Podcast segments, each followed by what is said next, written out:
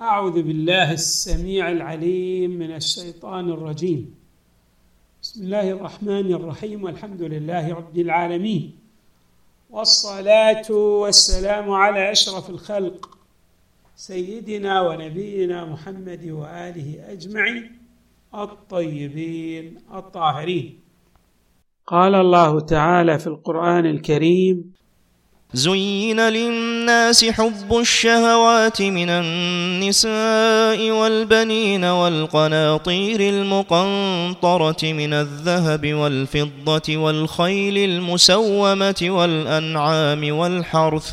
ذلك متاع الحياة الدنيا والله عنده حسن المآب. صدق الله العلي العظيم. هذه الآية المباركة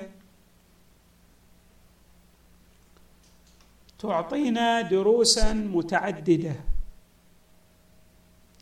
من أهم تلك الدروس أن الإنسان قد يدع الحياة الحقيقية وهي الحياة في عالم الآخرة للحياة الأقل منها والتي نسميها بالدنيا من الدنو ويعود السبب في ذلك إلى أنه يرى هذا الجمال والرونق في أمور متعددة في الحياة الدنيا. الأمر الأول أنه له شهوة عنده إحساس وميل وتوق. هذا الإحساس والميل والتوق إلى مجموعة من الأمور وهذه الشهوة إلى هذه الأمور هي أمر مركوز في طبيعة الإنسان وجبلته كما سنشير إلى ذلك. الشهوة تتعلق بمجموعة من المفردات. الأولى ما يتعلق بالجنس. زين للناس حب الشهوات من النساء. ولعل سائل يسأل لماذا كان الأمر ها هنا مخاطبة كأنه للرجل؟ باعتبار أن الأمر عادة يتعلق بالمخاطبة للطالب. بمعنى أن الرجال هم الذين يطلبون النساء.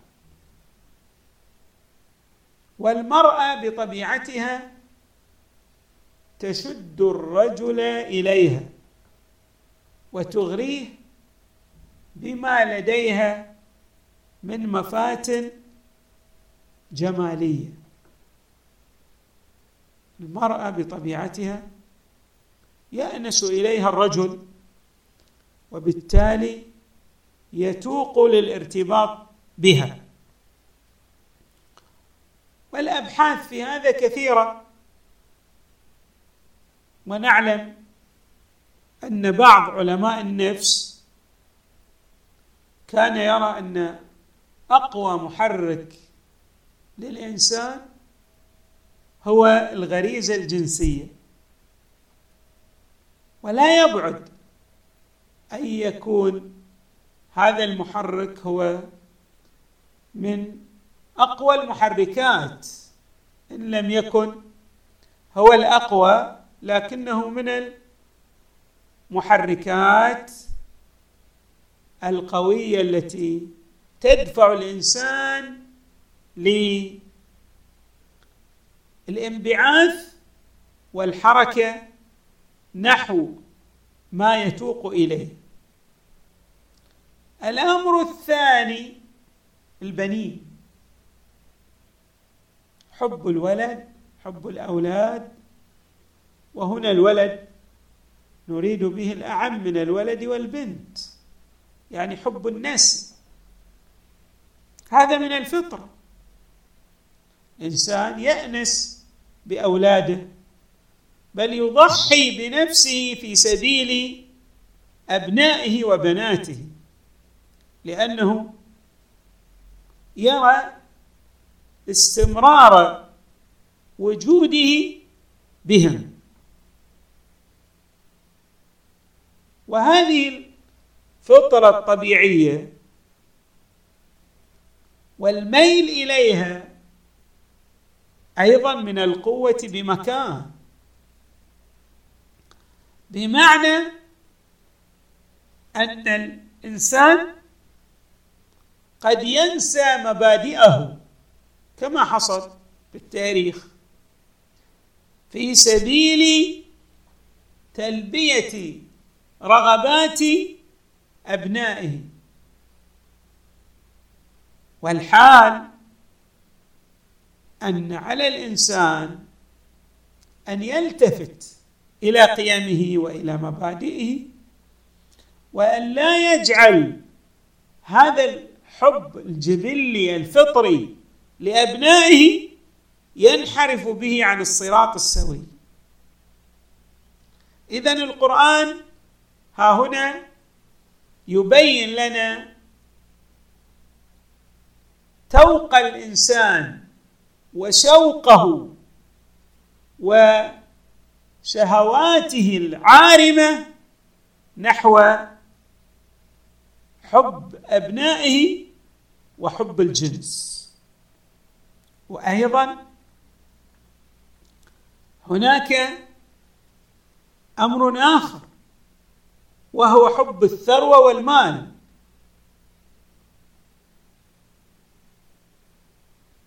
حب الثروة والمال أيضا من الأمور الفطرية الجبلية. إنسان يتوق إلى حب الثروة. وإلى المال. خصوصا المال الكثير. يعني كلما حصل على كمية من المال تاقت نفسه إلى كمية أكبر. ولهذا يعبر القرآن عن هذه المفردة الثالثة بالقناطير المقنطرة من الذهب والفضة أي بالأموال الكثيرة. وقيل إن المراد بالقناطير المقنطرة القنطار هو يعني يطلق على الشيء المحكم.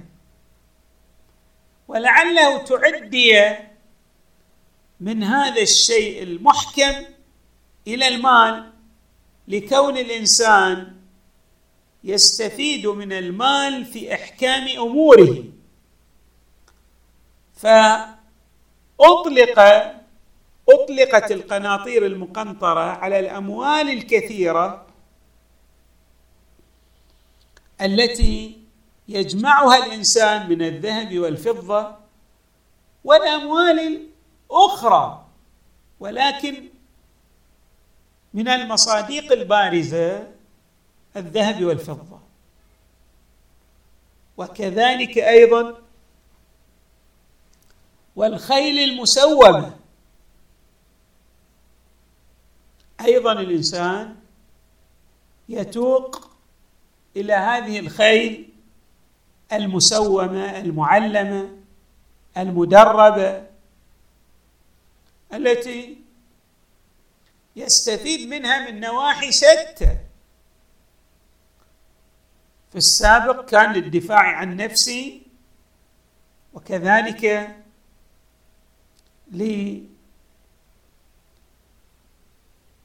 لمد نفوذه بالقوة وأيضا يستفيد من الخيل من ناحية جمالية.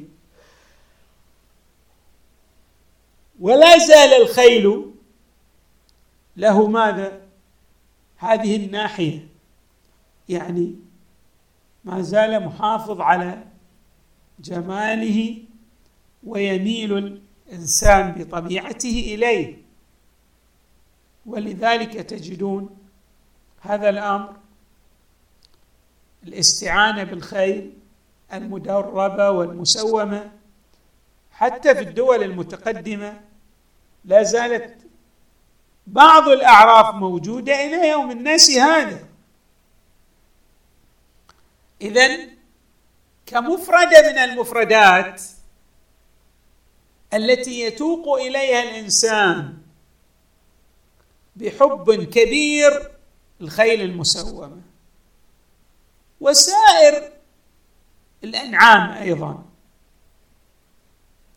الإنسان يحب الإبل والغنم والبقر بل والحيوانات الأخرى التي لها دخل في تطور حياته ورقي حياته وبالتأكيد أن هذه الحيوانات لها إسهامات عظيمة في تقدم الإنسان ورقيه. ويستفيد منها الإنسان في ميادين شتى وأنحاء متعددة ومختلفة والأنعام والحرث الزراعة وما تشتمل عليه من إنتاج والزراعة ليست هي مصدر للغذاء فحسب. بل أيضا كما أشرنا في الخيل المسومة الاستفادة منها في نواحي شتى كذلك الأمر أيضا في الزراعة. ثم تختم الآية المباركة بهذه النتيجة. ذلك متاع الحياة الدنيا. والله عنده حسن المآب. أي أن هذه الأمور التي يستفيد منها الإنسان في الحقيقة الاستفادة منها مؤقتة. المتاع هو الاستفادة المؤقتة التي لها أمد محدد وينتهي ذلك الأمد المحدد. ذلك متاع الحياة الدنيا. ولهذا ينبغي أن يسخر الإنسان هذه الوسائل التي يتوق إليها بشهوة عارمة كما عبرنا يسخرها من أجل حياته الحقيقية بمعنى يستفيد منها ولكنه لا يحول هذه الاستفادة منها إلى كونها تجره إليها وتقطعه عن عن الله تبارك وتعالى. الله تبارك وتعالى بقوله والله عنده حسن المآب. يبلور لنا حقيقة رائعة وجميلة. ألا وهي أن الإنسان من طبيعته يحب الجمال والزينة ولا يلام على ذلك. لأن هذا الأمر من الأمور الجبلية التي فطر عليها الإنسان غير أن ما يلام عليه أن تشكل هذه الأمور التي فطر عليها موانع تقطعه عن مبدئه. اذا الآية بلورت لنا مجموع ما فطر الإنسان على حبه. خلاصة ذلك أن المال والمظاهر الجمالية وحب البقاء بالولد هذه الأمور ركائز يتوق إليها الإنسان بنحو من الشهوة القوية العارمة. إذا كان الأمر كذلك هنا أيضا نقاط ينبغي الالتفات إليها. الأولى من الذي زين هذه الأمور؟ هل هو الذي زين هذه الأمور؟ هل هو الله أو الشيطان؟ بعض المفسرين وهو السيد الطباطبائي يرحمه الله يرى أن الذي زين هذه الأمور هو الشيطان. نعم. وقد دلل على ذلك ببعض الآيات القرآنية كقوله تعالى وزين لهم الشيطان ما كانوا يعملون وكقوله تعالى قال ربي بما أغويتني لأزينن لهم في الأرض ولأغوينهم أجمعين إلى غير ذلك من الآيات التي أوردها السيد يرحمه الله في ميزانه. وبعضهم الآخر قال لا. الصحيح أن الذي زين على نحو جبلي فطري هو الله تبارك وتعالى. ولكننا نرى أنه لا مانع من الجمع بين النظرين. يعني في الحقيقة أن الذي زين لهم الشيطان باعتبار أعطاهم إذا صح التعبير إغراءات وإغواءات للاستفادة منها بنحو يصدهم عن الله. كما إذا قلنا أن الذي زين لهم الله تبارك وتعالى هذه الأشياء هذه الأمور هذه المفردات أي أن الله تبارك وتعالى زين ذلك لهم بنحو ماذا؟ يصلون به إلى كمالهم وليس زينه لهم بمعنى أنه حسنه إليهم ليتوقوا إلى هذه الموارد كي يتحقق لهم الكمال. والتقدم والرقي. إذ لا يكون التقدم في الحياة الدنيا الذي يوصل الإنسان أيضا إلى مراتب عالية في الآخرة إلا من خلال الاستفادة من هذه الأمور. لكن بنحو لا تصده عن سبيل الله.